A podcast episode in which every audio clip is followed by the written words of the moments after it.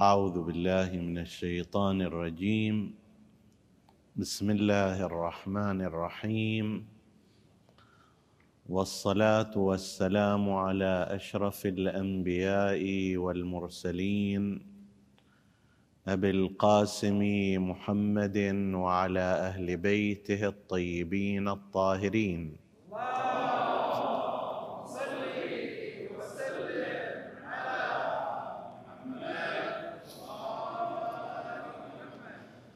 السلام عليكم أيها الإخوة المؤمنون أيتها الأخوات المؤمنات ورحمة الله وبركاته.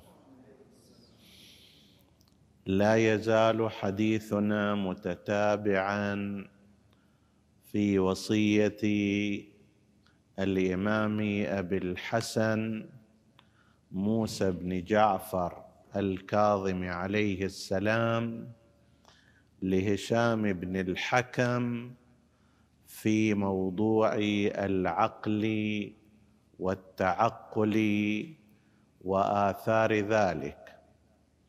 وقد ذكرنا في حديث مضى أن الإمام الكاظم عليه السلام استعرض واستشهد بآيات كثيرة من القرآن الكريم في منزلة العقل وفي آثار استعماله واستخدامه. نستكمل بقية هذه الآيات ثم نعرض إلى ما يمكن أن يقال في تعريف العقل وفي توصيفه أنه ما هو العقل.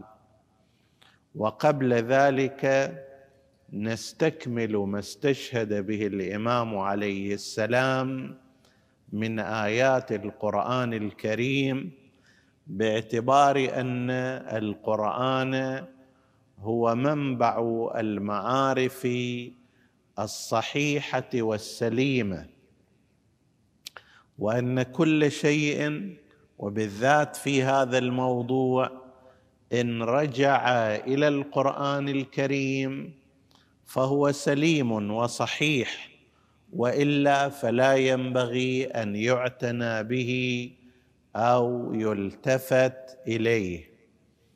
مما ذكره الإمام عليه السلام أنه قال يا هشام ثم وعظ أي الله سبحانه وتعالى أهل العقل ورغبهم في الآخرة فقال وما الحياة الدنيا إلا لعب ولهو وللدار الآخرة خير للذين يتقون أفلا تعقلون؟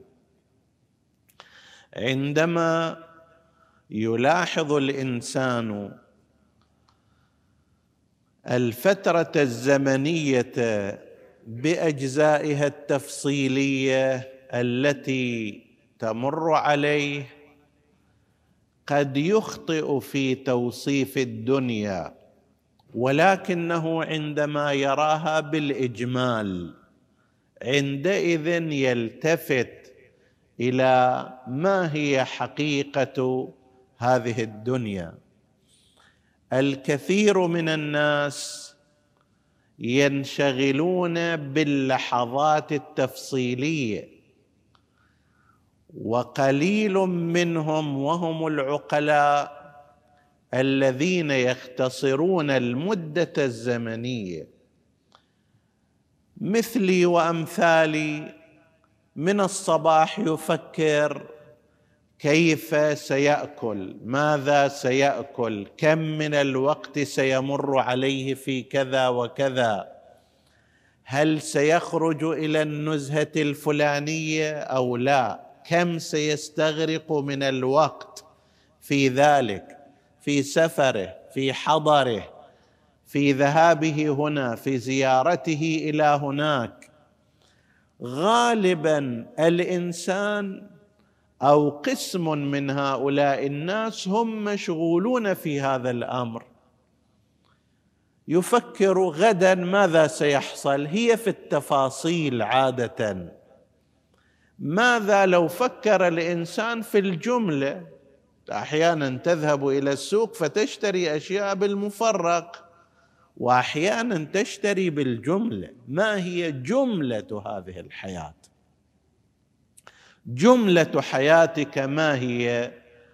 هذه السبعون سنة أو الثمانون سنة ليست باعتبارها سنوات واشهرا واياما وساعات ودقائق.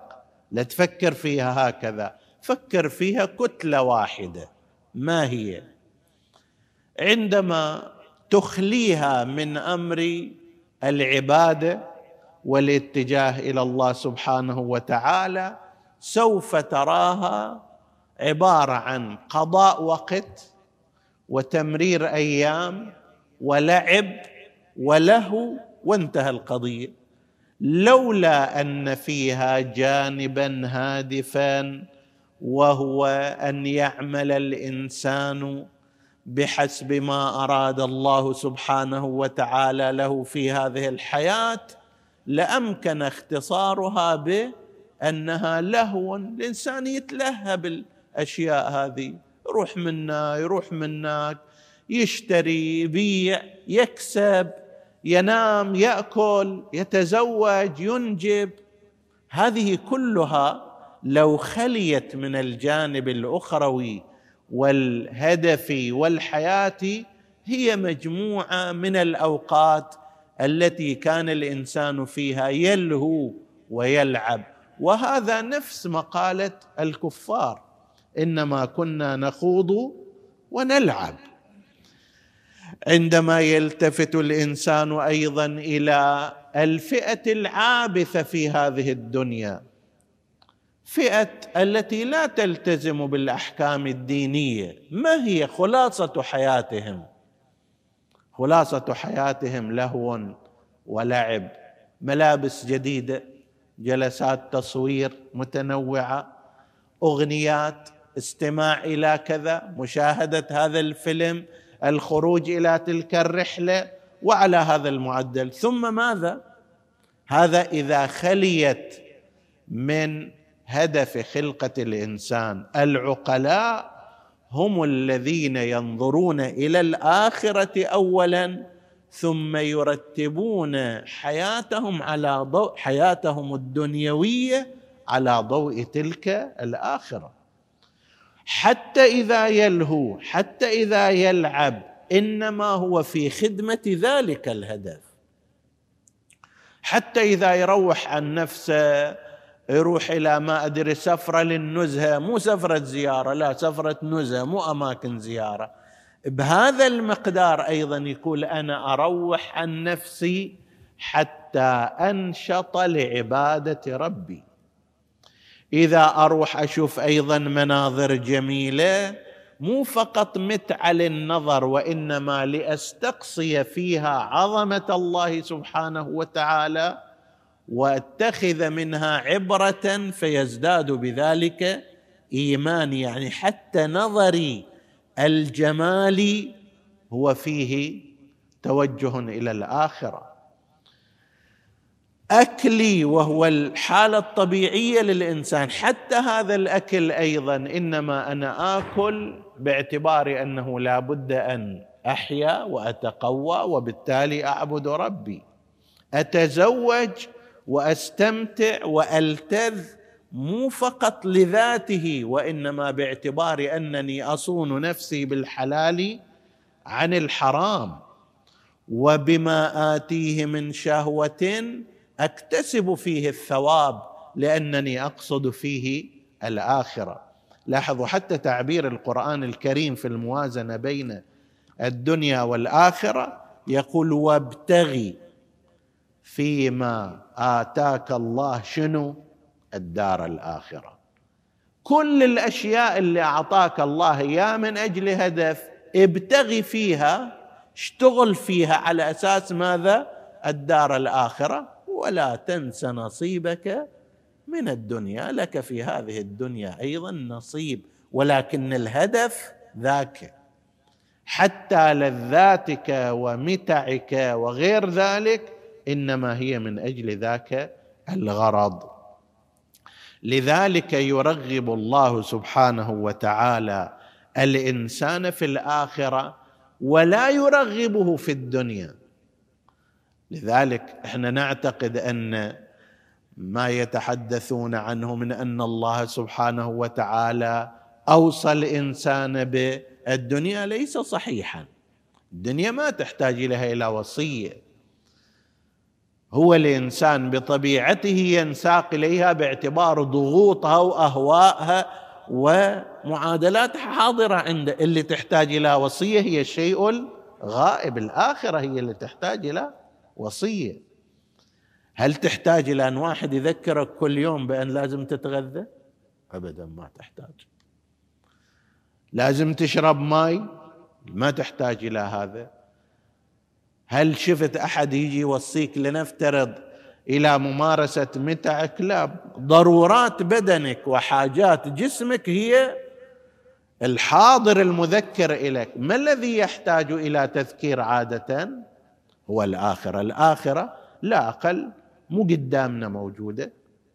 معادلتها غير حاضره يمكن أن ينسى الإنسان الآخرة إلا إذا ذكر نفسه أو ذكر.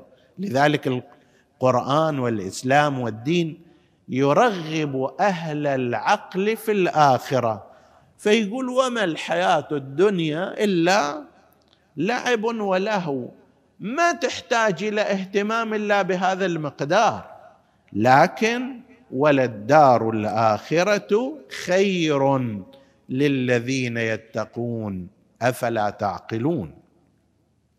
يا هشام ثم بعدما رغب أهل العقل في الآخرة يا هشام ثم خوف الله الذين لا يعقلون عقابه حتى يصنع إلى الإنسان منبه جعل آثار العقاب آثار النهاية موجودة. نحن نجد بقايا الأقوام الماضية. في صوره آثار في صوره مباني في صوره أحداث. الآن تمر على بعض الأماكن شامخة. أي الآن مدائن صالح. كم بيننا وبينها؟ آلاف السنوات. بس لا تزال قائمة.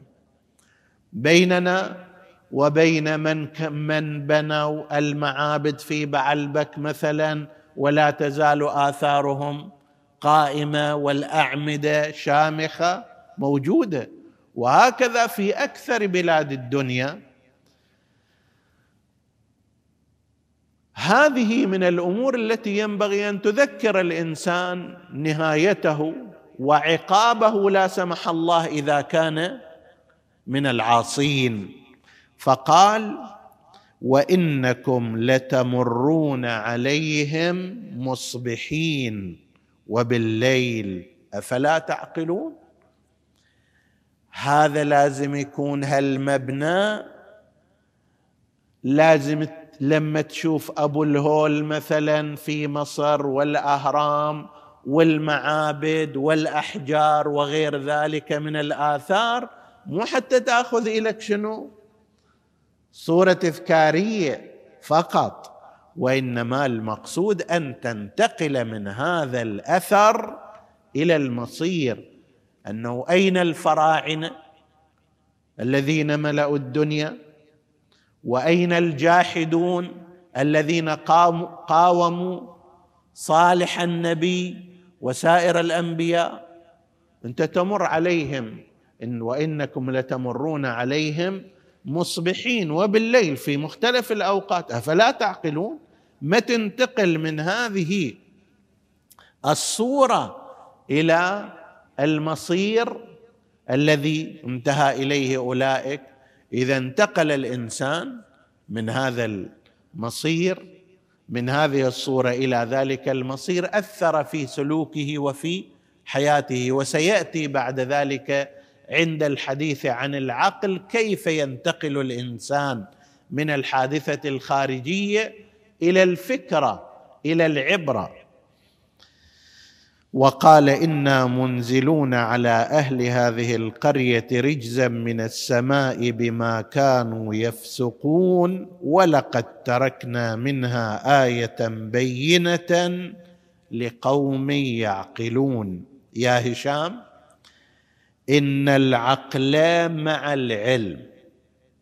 أكو هناك اقتران بين العقل واصل العقل موجود عند كل البشر العالم والجاهل.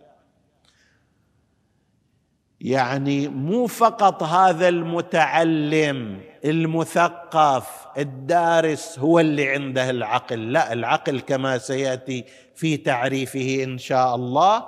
موجود عند كل بني البشر لكي تتم عليهم حجة الله. ولكن هذا مرة إحنا نذكيه ننميه نكبره حسب التعبير بالعلم ومرة أخرى لا يبقى على حطته من خلال الجهل. العقل يمكن تنميته بالعلم ويمكن إبقاؤه على صورته الأولية الفطرية بترك التعلم بالبقاء في الجهل. لذلك قال إن العقل مع العلم العقل زيادته نموة كما هو المطلوب من الإنسان هو مع التعلم بالتعلم يزداد عقلك. ما ينشأ لك عقل لأن حتى غير العالم عنده عقل ولكن زيادته نموه تطوره مع العلم. فقال وتلك الأمثال نضربها للناس وما يعقلها إلا العالمون. يا هشام ثم ذم الذين لا يعقلون. عنده عقل لا يستخدم هذا العقل. يغطيه بنفس المقدار اللي الإنسان ينمي عقله من خلال التأمل والتدبر وكثرة التفكر وزيادة العلم. هذه تزيد في العقل. في المقابل يقدر يغطي عليه. بالإكثار من الشهوات. كلما نمى الإنسان جانبه الشهوي غطى جانبا من عقله. كلما زاد جهل الإنسان غطى هذا العقل. فبدل ما يصير هذا العقل هو النور اللماع الذي يكشف الحقائق يتراجع إلى أن يكون بمقدار شمعة أو دون ذلك. كان شمسا. كما خلقه الله سبحانه وتعالى إليه. لكن خلى عليه بطانية هي عبارة عن الشهوة. خلى عليه ما أدري غطاء هو عبارة عن الانحرافات عن فساد النفس. كل هذه تحجب وتمنع العقل عن نوره الأصلي. تحول بدل ما كان شمسا منيرة إلى شمعة خافتة. فقال يا هشام ثم ذم الذين يعقلون. فقال وإذا قيل لهم اتبعوا ما أنزل الله وهذا من الحجب أيضا كالشهوات. قالوا بل نتبع ما ألفينا عليه آباءنا. آباءنا شلون كانوا؟ إحنا مثلهم. من كان من السابقين كيف كانوا يعبدون؟ إحنا هم كانوا يعبدون الأصنام إحنا هم نعبد الأصنام. كانت حياتهم خاطئة وسلوكهم سلوكا منحرفا إحنا أيضا وياهم. وهل أنا إلا من غزية؟ إلا من غزية إن غوت غويت.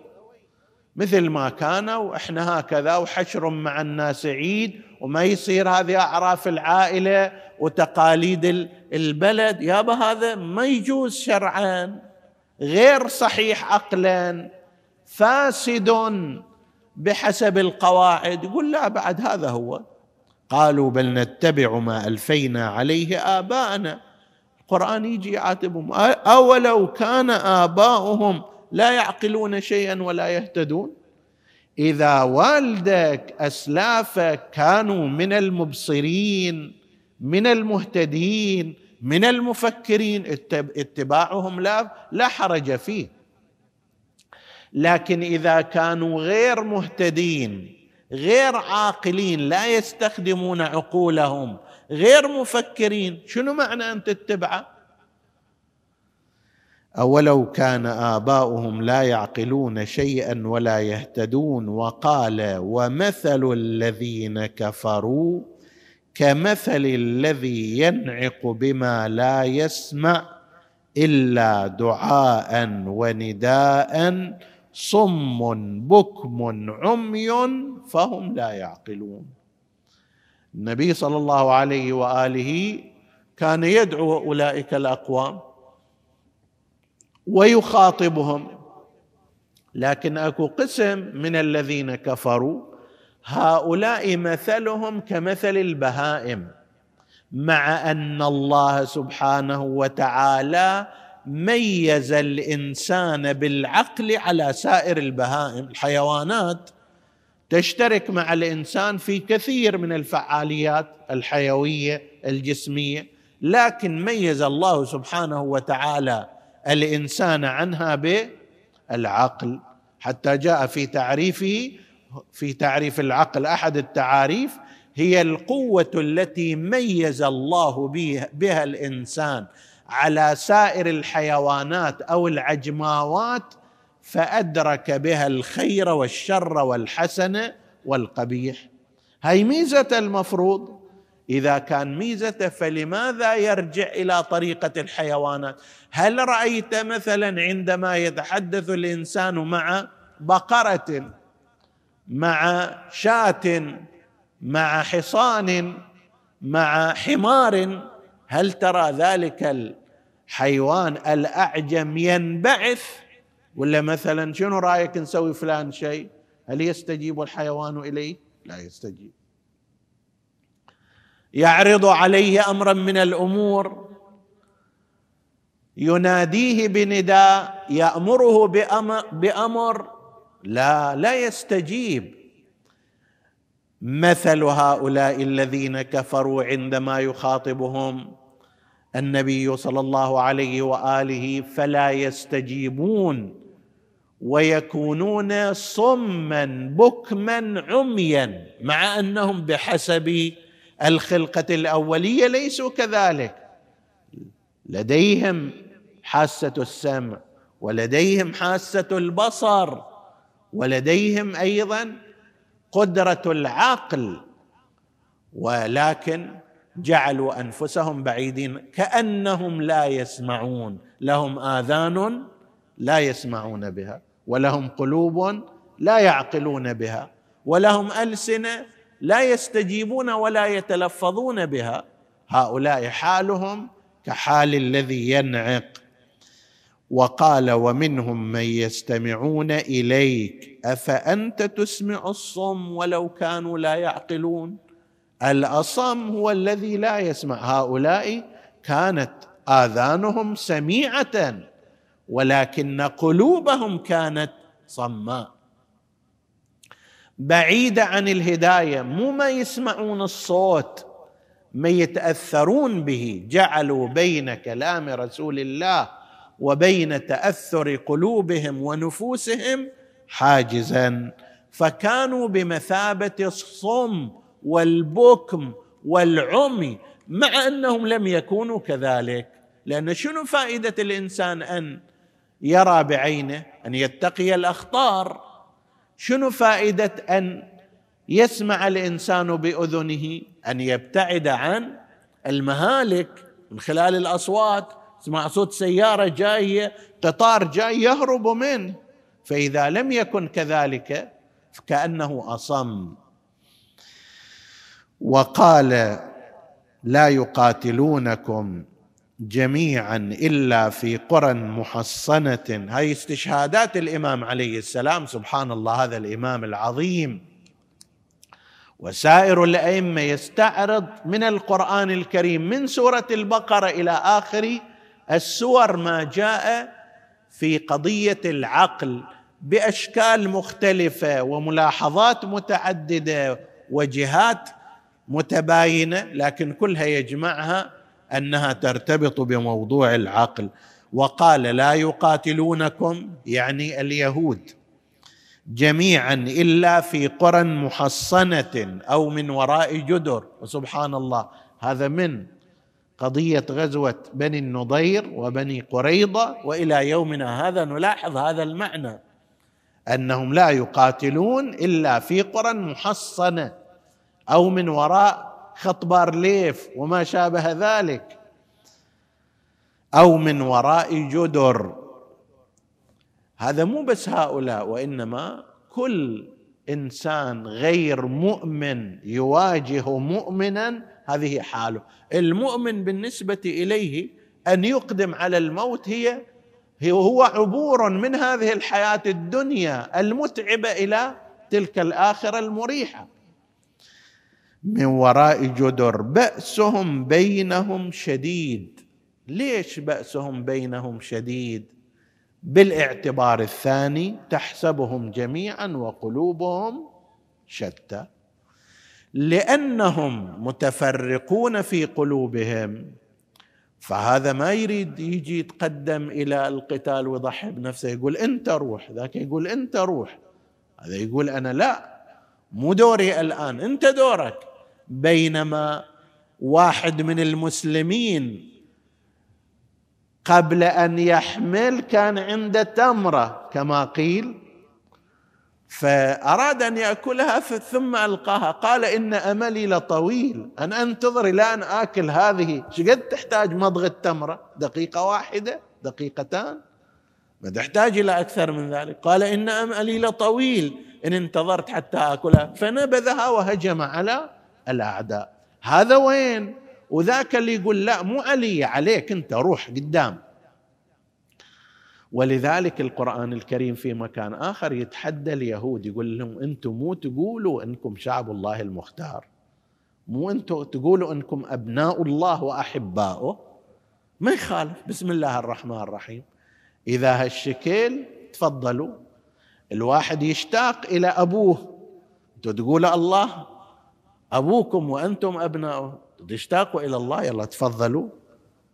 تحركوا إلى القتال ضحوا بأنفسكم. أحبابه الإنسان الحبيب يشتاق إلى حبيبه.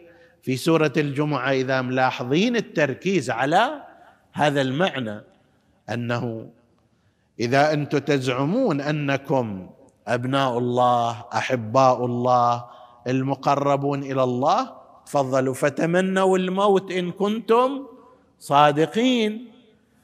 تمنوا الموت يعني في المعركة مو يعني قاعد في بيتكم وقول يا رب نزل علي الموت وإنما في المعركة. روح إلى الشهادة خلنا نشوف.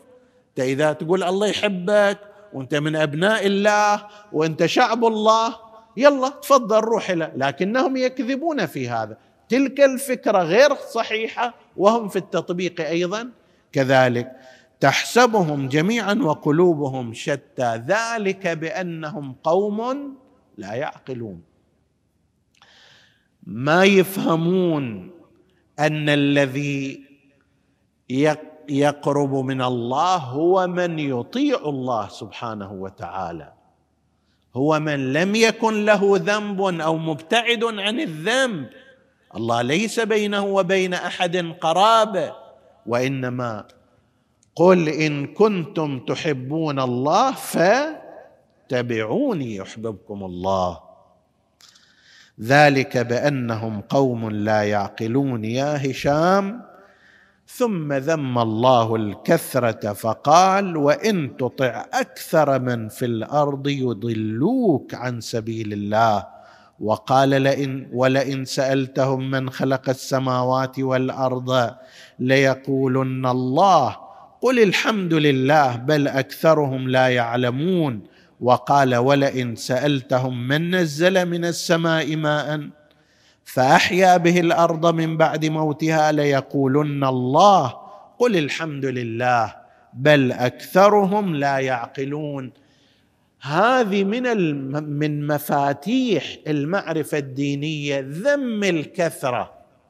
ليش؟ لأنها أكثر شيء تؤثر في إخلال الإنسان بوظيفته هي قضية الكثرة. ليش تسوي هالشكل؟ كل الناس يسوون. زين خلي كل الناس يسوون. من يقول أن إذا كل الناس يسوون يصير هذا الشيء صحيح؟ لماذا تلبسين بهذا الشكل؟ هذا مو حجاب صحيح. توين شوف اطلع السوق وشوف. كل الناس هالشكل أكثر البنات هالشكل. ليكن أكثر الناس هكذا ليكن كل الناس هكذا. هل هذا يجعل الحرام حلالا؟ ليس كذلك. لماذا أنت تعيش بهذه الطريقة؟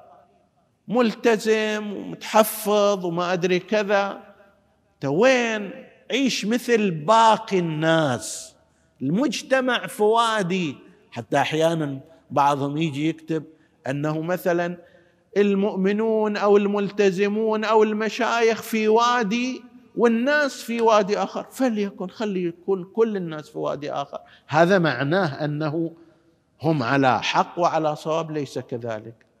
هذه الفكرة وهي أن الكثرة الاجتماعية تعني الصحة والصوابية غلط.